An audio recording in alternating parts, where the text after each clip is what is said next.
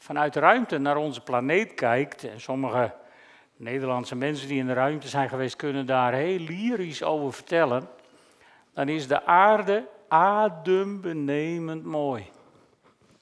Zoiets ongeveer. Hij, hij is wat plat gedrukt nu, maar adembenemend mooi is onze planeet. Alleen wat je niet ziet vanuit de ruimte is dat deze planeet in al zijn schoonheid besmet is met een hele ernstige ziekte, de zonde. De zonde die alle aspecten van, van de maatschappij op deze planeet heeft doordrenkt. En op die van zonde doordrenkte wereld, in die van zonde doordrenkte maatschappij op deze planeet, moet je als christen je weg zien te vinden. En wordt er ook nog groei van je verwacht. En dan is het logisch dat mensen zich gaan afvragen, nou kan God ons dan niet beter wegnemen van deze planeet? Of, of misschien is het wel handig dat u nu toch echt heel snel terugkomt, want het wordt wel heel erg. Persoonlijk waag ik te betwijfelen of het steeds erger wordt. Ik heb meer de indruk dat de informatiestroom over al dat erge steeds sneller en groter wordt, zodat we vandaag alles weten wat er op deze planeet gebeurt. En 100 jaar geleden wist je misschien 20 jaar na de tijd eh, van iets wat er in Australië of Verwegistan had plaatsgevonden. Dus, dus de impact van alles is wel veel groter. Maar ja, van deze planeet weggenomen worden of Jezus terug laten komen, daar gaan wij niet over. Hè? Frustreert u dat wel eens? Ja, dat is in Gods hand. En tot die tijd zullen we het ermee moeten doen op deze wereld. Gelukkig heeft God daarvoor gemeentes bedacht, zodat je elkaar bij de hand kunt houden en, en met elkaar op kunt trekken en elkaar af en toe weer overeind kunt helpen. En zoals in dat kinderfilmpje af en toe even een kruiwagen aan kunt drukken. Om iemand dan toch ergens te krijgen, zodat er hulp is. Ja. Het bijzondere is dat Jezus hier van alles over zegt. In Johannes 17, vlak voordat hij gearresteerd wordt en de kruisdood moet ondergaan, bidt Jezus het hoge priesterlijk gebed. En een stukje daarin is dit, Johannes 17, vanaf vers 11. Ik ben al niet meer in de wereld. Ik ga naar u toe. Maar zij, zegt Jezus over zijn discipelen, zij blijven wel in de wereld. Heilige Vader, bewaar hen door uw naam. De naam die u ook aan mij gegeven hebt, zodat zij één zullen zijn. Zoals wij één zijn. Hè? En let goed op, er staat geen S achter die één. Daar gaan wij elke keer weer het schip in met elkaar. Maar er staat geen S achter. We hoeven het niet eens te zijn. Het gebed van Jezus was dat we één zijn in al onze verschillen. En dan bidt Jezus verder. En dan zegt hij, zolang ik bij hen was, heb ik hen door uw naam die u mij gegeven hebt bewaard en over hen gewaakt. Geen van hen is verloren gegaan, behalve hij die verloren moest gaan, opdat de schrift in vervulling ging. Daarmee heeft hij het over Judas. Nu kom ik naar u toe. En ik zeg dit terwijl ik nog in de wereld ben, opdat zij vervuld worden van mijn vreugde. Ik heb hun uw woord gegeven. De wereld haat hen omdat ze niet bij de wereld horen, zoals ook ik niet bij de wereld hoor. Ik vraag niet of u hen uit de wereld weg wilt nemen. Let op, hè? Jezus zegt dat expliciet. Ik vraag niet of u hen uit de wereld weg wilt nemen, maar of u hen wilt beschermen tegen de duivel. Ze horen niet bij de wereld zoals ik niet bij de wereld hoor. Bijzondere verzen. En dan uh, even naar de HSV, de herziende statenvertaling, daar wordt het iets duidelijker. Wij zeggen zo gemakkelijk, het spreekwoord, hè, wij zijn wel in deze wereld, maar niet van deze wereld. Of we zeggen tegen elkaar, we zijn niet van deze wereld, maar wel in deze wereld. Weet je dat dat nergens in de Bijbel staat? Zo expliciet als wij het zeggen, hè? Zoek dan maar eens om, om een Bijbeltekst dat we niet van de wereld, maar wel in de wereld zijn. Die is er niet. Maar het is een afgeleide uit Johannes 17. Wij blijven in deze wereld, heeft Jezus gezegd. En we horen niet bij deze wereld, of zoals deze in de Statenvertaling zegt, we zijn niet van deze wereld. En daar zullen we het mee moeten doen. En dan hebben we gezien dat Jezus zegt, ik vraag niet of u hen uit deze wereld weg wilt nemen. En denk je, maar we hebben net gedacht van nou, als je naar die mooie planeet kijkt en je realiseert hoe doordrenkt van zonde het is, dan kunnen we toch veel beter maar eruit gehaald worden, of niet? En Jezus zegt, ja maar ik bid niet of u hen uit deze wereld weg wilt nemen. En dan denk je, als, als gelovige in al dat gedoe, denk maar moeten we het dan helemaal zelf doen? Nee. Nee, want Johannes 17 gaat namelijk verder met een heel belangrijk zinnetje. In vers 17, daar bidt Jezus, heilig hen dan door de waarheid. En dan zegt hij er even bij, uw woord is de waarheid. Dus niet jouw mening of mijn mening, niet ons huishoudelijk reglement of onze statuten, niet wat jij of ik ergens van vindt, maar het woord van God is de waarheid, zegt Jezus. En het wonderlijke van het woord van God is dat Katrien dat kan lezen en iets kan zien in een tekst. En dan kan ik het ook lezen en dan denk ik, nou ik snap niet hoe Katrien erbij komt. Geen idee, maar het is wel het woord van God. Het is door jou heen kan het iets brengen. En ik kan hier iets staan te roepen dat jullie allemaal denken van, hoe komt hij erbij? Ja, dat is het woord van God door mij. En, en, en zo heeft het woord van God altijd in alle situaties voor iedereen iets te zeggen. Door iedereen iets te zeggen. Dat kun je niet uitbesteden aan een spreker. Allemaal zullen we ons in het woord van God moeten verdiepen. En vanuit het woord van God kunnen we elkaar bemoedigen. En dat is altijd waarheid, ook als je het er niet mee eens bent. Mooi hè? Bijzonder. En, en als je dan even iets verder zoekt, dan denk je wat heilig hen door de waarheid. Wat betekent heilig hen?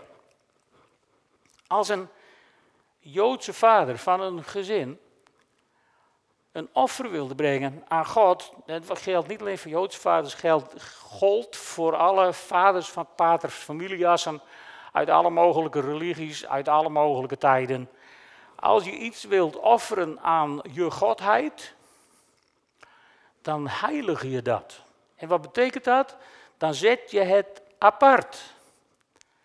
Je zorgt dat het net als voor de hengstekeuring keurig gepoetst wordt, gekamd wordt, gevlochten wordt, dat het zo mooi mogelijk is, apart gezet, voordat het aan God beschikbaar gesteld wordt. En in de vertaling van het boek kom je het eigenlijk alleen maar een keer tegen zo. In 1 Korinthe 1, vers 30. Dankzij God hebt u nu uw leven in Christus Jezus. Hebben we ook gezongen in, in dat prachtige lied van zo net. Hij geeft u wijsheid en door hem staat u rechtvaardig tegenover God. Realiseer je dat wel eens op een dag dat je het zwaar verkloot hebt en dan denkt van, nou maar door Jezus sta ik rechtvaardig voor God. Man. Ga je wel eens helemaal uit je dak dat je dan denkt van nou, heb ik het vandaag niet zo best gedaan. Ik ben niet aardig geweest voor mijn vrouw of voor mijn kinderen of nou bedenk het maar. En dan lees je deze tekst en dan denk je, toch sta ik rechtvaardig voor God. Nou dan zou je toch als christen helemaal uit je dak moeten gaan en denken, wauw man, wat een God hebben wij. Rechtvaardig voor God. Hij heeft u, zegt Paulus, hij heeft u apart gezet en bevrijd. Alles dankzij Hem. Je bent apart gezet. Je bent niet apart, ja, vast ook wel, maar je bent apart gezet. Door Jezus, geheiligd, apart gezet. En, en, en hoe maak je dat nou heel praktisch duidelijk? Nou, daarvoor neem ik jullie even mee naar mijn volkstuin. Niet voor het eerst. Dus, veel plezier met mij op mijn tuin. We hebben gehad de kiemfase. Het plaatje is hier niet meer, maar de kiemfase. Die hebben we gehad. En de kiemfase, die heeft opgeleverd mooi gekiemde zaden. Mooie plantjes. Opgegroeid in een beveiligde omgeving met veel zorg en veel extra voeding. En nu zijn het mooie plantjes geworden. Maar ja, toen brak de groeifase aan. En, en, en, dan kom je in dit kleine piepkluitje kom je niet verder. Dus er moet iets gebeuren. En er ligt een wereld op je te wachten als koolplantje. Kijk, prachtige zwarte grond. Markeert niks aan, je zou er als koolplant zo in springen. Maar wat je niet ziet, is net als met deze planeet, deze hele mooie grond is besmet met een dodelijke ziekte. Als je daar als koolplantje onbeschermd in komt te staan, is dit het resultaat. Dan gaat er wel iets groeien, namelijk allemaal knollen aan de worteltjes. Deze ziekte heet knolvoet en dat is een virus in de grond, net als zonde in de maatschappij. En dat virus heeft maar één doel, en dat is verhinderen dat er gegroeid wordt. Het kan niet schelen wat er verder gebeurt, het is puur destructief.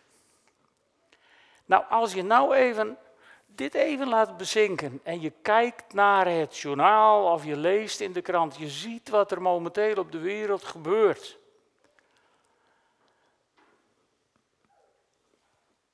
Ik bedoel, toen er 300 jaar geleden oorlogen werden gevoerd, stonden soldaten tegenover elkaar. En die schoten elkaar dood. En burgers, ja, die waren relatief veilig. Als er tegenwoordig waar dan ook op de wereld oorlog wordt gevoerd, gooien we eerst bommen uit vliegtuigen op burgerdoelen om zoveel mogelijk burgers te doden, zodat die militair denkt van nou, dit wordt wel wat. En 99% van de doden in de oorlogen van vandaag de dag, statistisch gezien, zijn burgers, geen militairen. Het is alleen maar gericht op destructie. En wat alleen maar gericht is op destructie, is demonisch. Je hoeft niet lang te denken over de bron van iets als je, als je het op die manier bekijkt. Misschien heb je van een week op de televisie ook gezien van die narcotica-bende ergens in Zuid-Amerika die, die zo'n televisiestation overvielen. Clubben die bekend zijn om hun niets ontziende wreedheid. Het is alleen maar gericht op destructie. Maar ook dat virusje is alleen maar gericht op destructie. Nou, zover was ik en toen kreeg ik ook zo'n virusje op mijn stembanden. En de preek was klaar en dat virusje was alleen maar gericht op niet spreken. Want dat zat op je stembanden. Dat had geen enkel nut. Ik bedoel, ik kon erom lopen, ik kon erom springen, ik kon, er, ik kon alleen niet praten.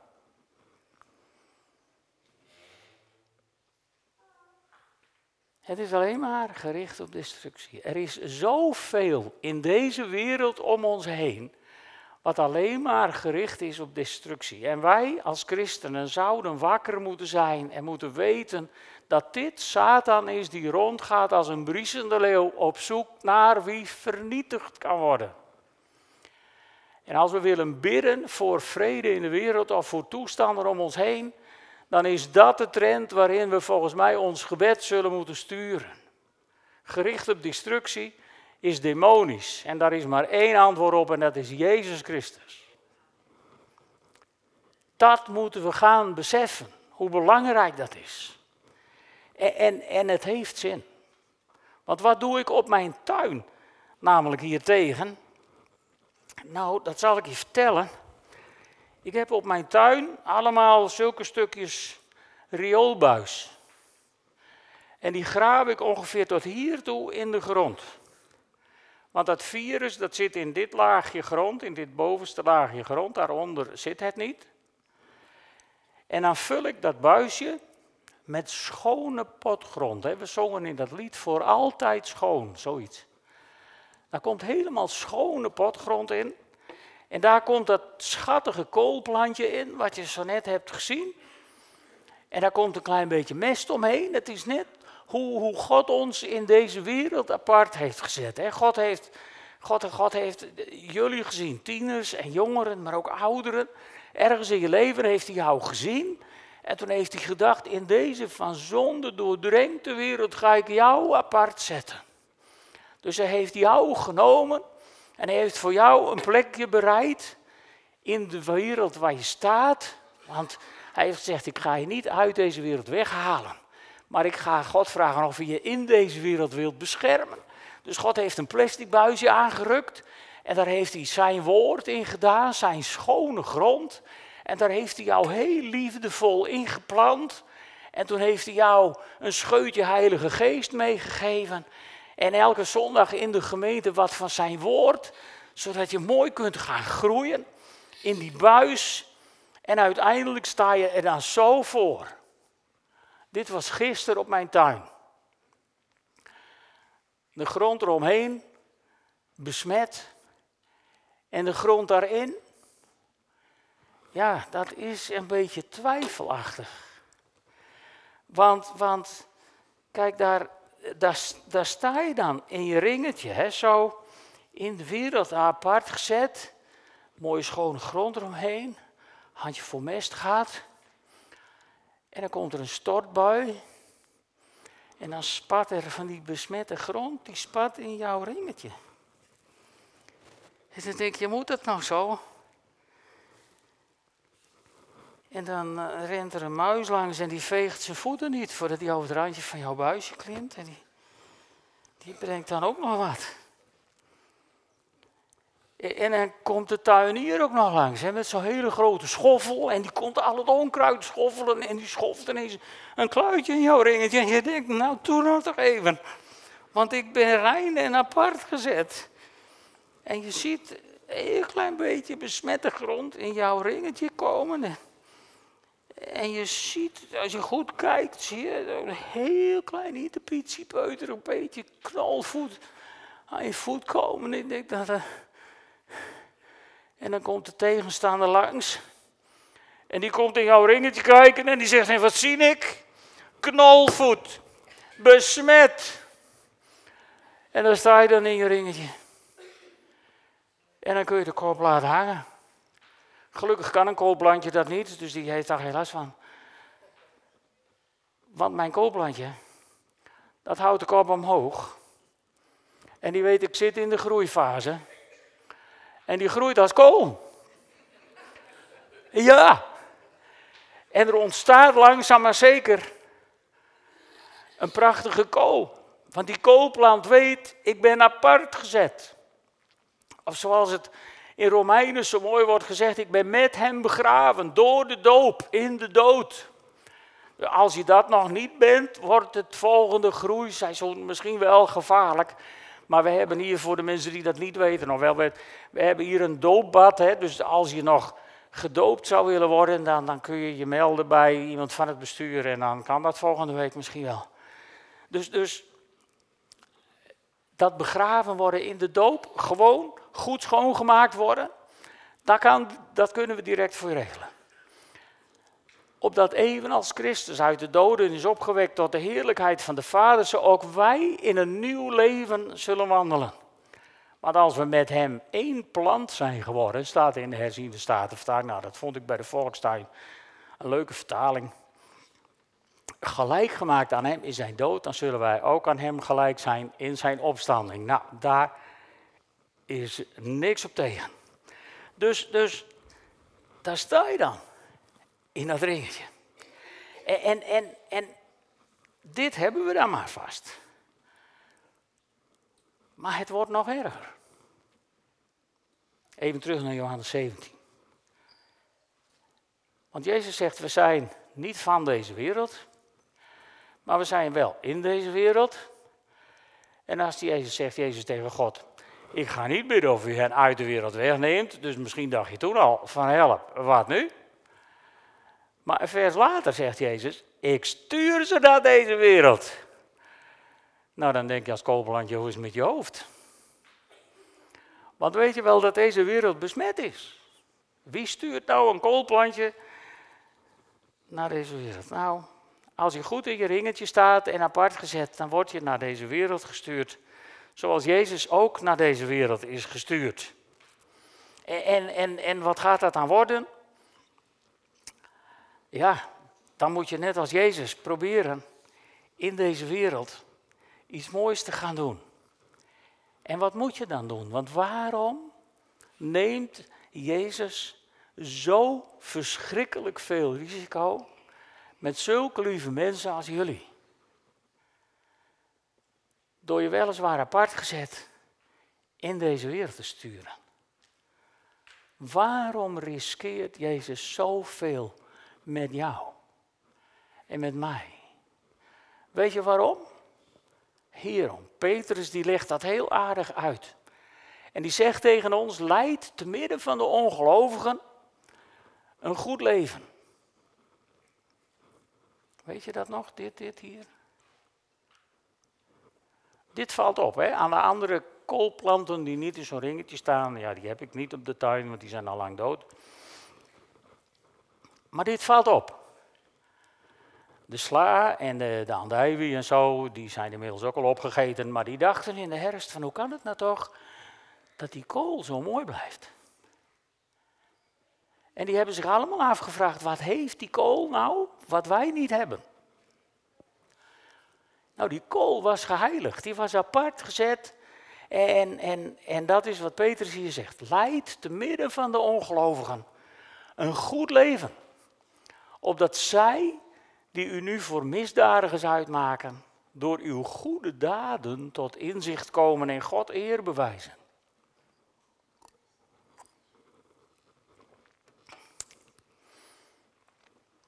Dus het maakt eigenlijk niet uit of je nou gewoon nog in je werk zit, of je in de wijk woont waar je woont, of op de voetbalclub waar je voetbalt, of bedenk maar iets, de volksdansclub waar je volksdanst.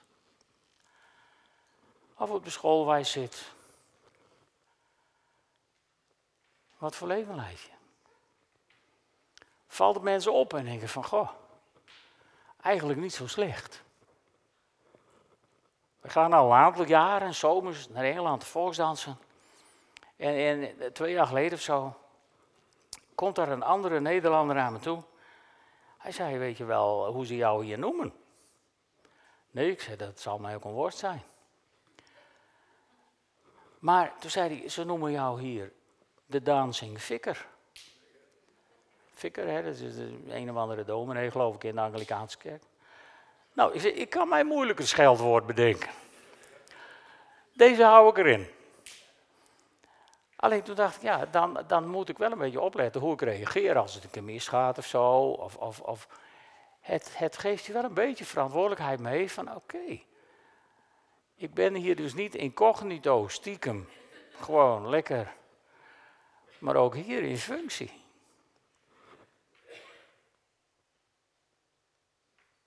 En dan gebeurt er ineens wat heel naars op zo'n kamp.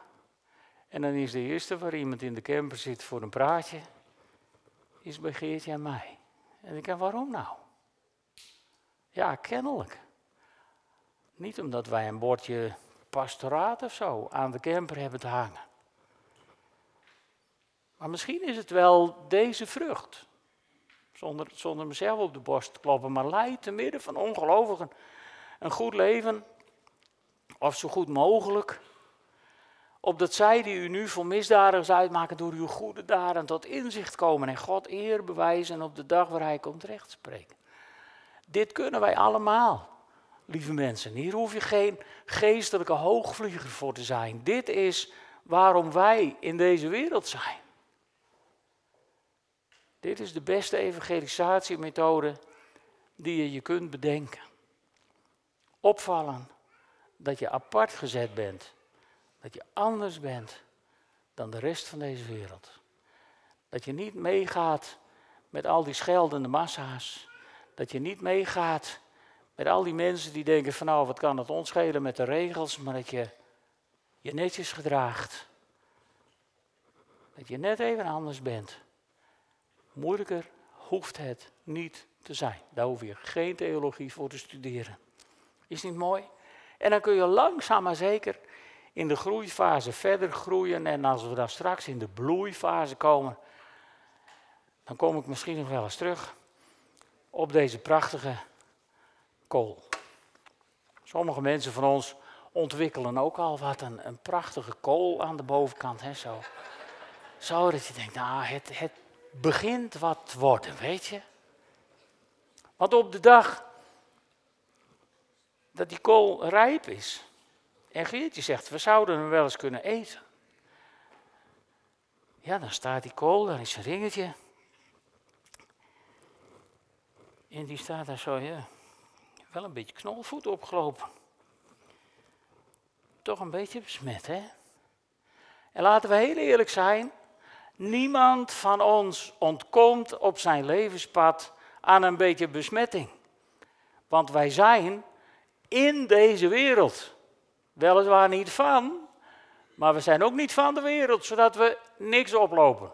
In deze wereld. Allemaal lopen wij af en toe tegen een beetje besmetting aan. Maar op de dag dat je geoogst wordt, of Jezus nou terugkomt, of dat het de tijd is dat de een of andere engel jou komt halen.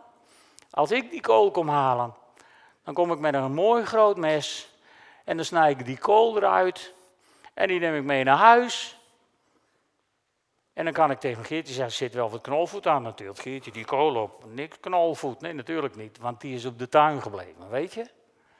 En als jij bij Jezus komt, of als jij bij God komt, dan kan elke demon daar omlopen te springen van knolvoet, knolvoet, besmet, besmet. En God, die telefoon, ik zie helemaal geen knolvoet. En dan vraagt hij aan Jezus, die zit naast hem aan de rechterhand. Zie jij? Nee, ik zie ook geen knolvoet. En Jezus een beetje glimlachen, hè, want die weet door zijn verlossend werk hoe het op deze wereld gaat. En die denkt, laat ook maar zitten, die knolvoet, joh, dat wordt, dat, daar redden ze wel mee daaronder. Zo zal het ook gaan, als ik er niet meer ben. Dan zal iemand zich boven in de hemel verhogen over die prachtige kool en wat eronder hing. Ja, dan moeten jullie maar maar redden dan. Dus maak je niet zo'n zorgen over het feit dat je niet helemaal zonder kleerscheuren door dit leven komt. Dat hindert niet, dat mag. En God ligt daar niet van wakker. Het mooie, hè? En, en dan tenslotte nog één keer terug. Waarom ben jij in deze wereld? Nou, in Jeremia staat een hele mooie tekst. Bid tot de Heer voor de stad waarheen ik jullie gevoerd heb. Dus zorg dat je je niet terugtrekt uit de wereld, maar zet je in voor haar bloei. Want de bloei van de stad is ook jullie bloei. Dus zorg dat je je inzet voor de wereld om je heen. Apart gezet. In je ringetje. In schone grond. Goed bemest. Door dagelijks gebruik van het woord. En door zeer regelmatig hoop ik tijd te nemen om even met God te praten. En even naar de Heilige Geest te luisteren. En je een beetje te laten bemesten door de Geest van God. Dan ga je groeien als kool, lieve mensen. En, en, en dat gaat de stad zien. Om je heen. De plek waar jij gesteld bent, die gaat dat zien. En dan kom ik terug bij Johannes 17 tot slot. Jezus zei, ik zend hen naar deze wereld, zoals u mij naar de wereld hebt gezonden. Ik heb mij geheiligd omwille van hen. Dus Jezus heeft in zijn buisje gestaan, hè, in de tijd dat hij in de wereld was. Zo zullen zij ook door de waarheid geheiligd zijn. Dus je zit in je buisje, in deze wereld. En, en ik bid niet alleen voor hen, maar ook voor allen die door hun verkondiging in mij geloven. En misschien denk je, nou, ik heb nog nooit gepreekt. Ik heb nooit op een zeepkistje gestaan op de markt. Ik heb nooit verkondigd. Jij hebt verkondigd. Iedere stap die je buiten je huis hebt gezet in de maatschappij waar je hebt gefunctioneerd. Jij hebt elk uur van je leven verkondigd. En je zult elk verder uur van je leven verkondigen. Wees je dat goed bewust. En er zijn mensen die door jou ergens in je omgeving of misschien wel wat verder weg nog steeds of alweer in Jezus geloven. Niemand is daar aan ontkomen. Dus voor allen die door ons in Jezus geloven. En dan zegt Jezus nog een keer, laat hen allen één zijn, Vader. Zoals u in mij bent en ik in u. Laat hen zo ook in ons zijn. Opdat de wereld gelooft dat u mij hebt gezonden. Als de wereld in Jezus zal geloven, is dat omdat ze ons hebben gezien. En ik bid met heel mijn hart dat dat elk uur van de rest van je leven je levensmotto zal zijn. Ik zal leven, zodat mensen iets van Jezus zien in mij. Want daarvoor ben je hier. En daarvoor komt Jezus ook nog heel even niet terug. Want de missie is nog niet klaar.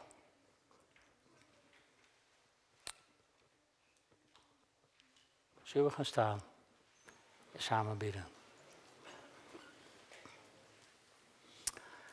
Heere God,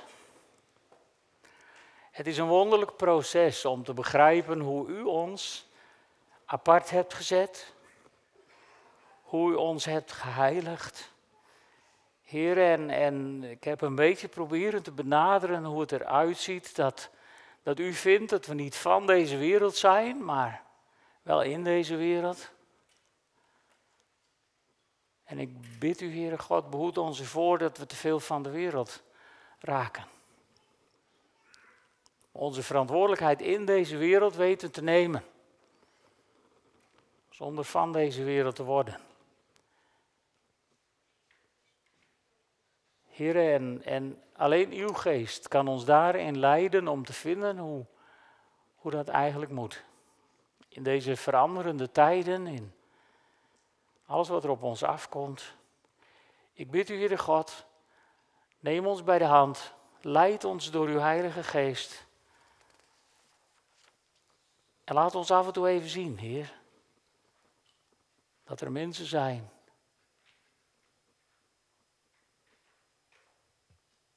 die iets opvalt in ons leven. Heere, bemoedig ons door de kleine dingen daarin. Dat bid ik van u in Jezus' naam. Amen.